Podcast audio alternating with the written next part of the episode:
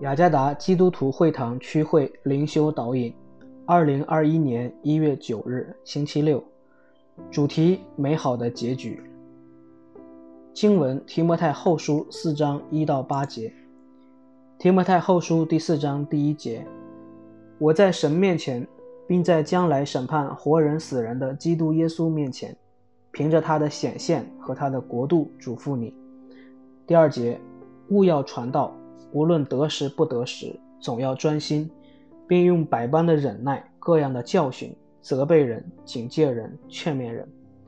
第三节，因为时候要到，人必厌烦纯正的道理，耳朵发痒，就随从自己的情欲，增添好些师傅。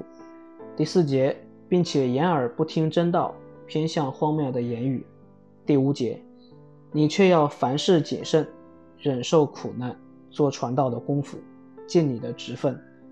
第六节，我现在被交电，我离世的时候到了。第七节，那美好的仗我已经打过了，当跑的路我已经跑尽了，所信的道我已经守住了。第八节，从此以后有公义的冠冕为我存留，就是按着公义审判的主，到了那日要赐给我的，不但赐给我，也赐给凡爱慕他显现的人。如何判断一个人在人生和事工上是成功还是失败？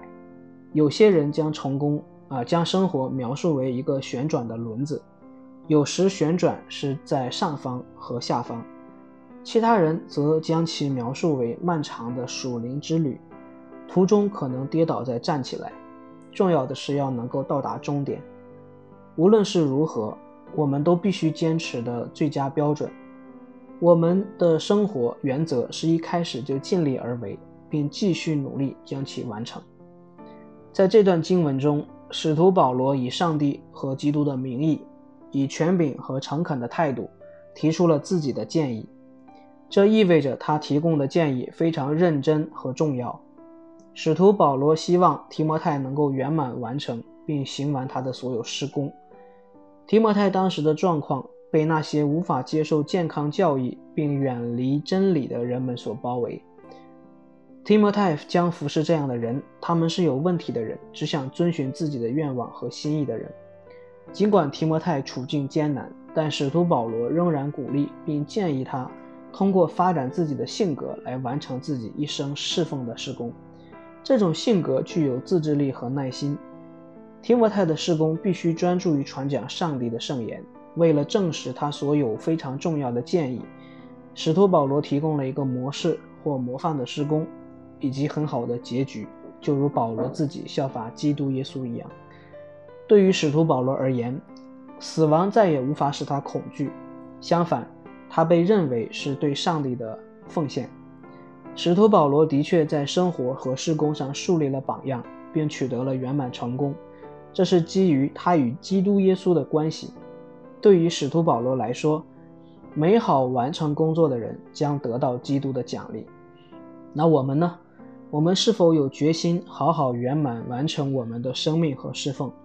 我们应该做出良好和正确的决定，就是圆满度过我们的一生，并正确而完美的侍奉。当然，这个决定不是基于自己的能力，我们需要始终依靠上帝，因为基督通过圣灵的带领。使我们能够做到这一点。即使生活和侍奉中有许多困难和挑战，我们也必须忍受和利用每一刻，仰望上帝，仍然传讲，并将上帝的话置于优先。让我们继续学习，忠于我们的呼召，并努力在与基督耶稣的关系上彻底圆满结束。上帝在天上的赏赐已为我们备妥了。只有与基督保持亲密关系。我们才能够适当而圆满美好的完成我们的生活和侍奉。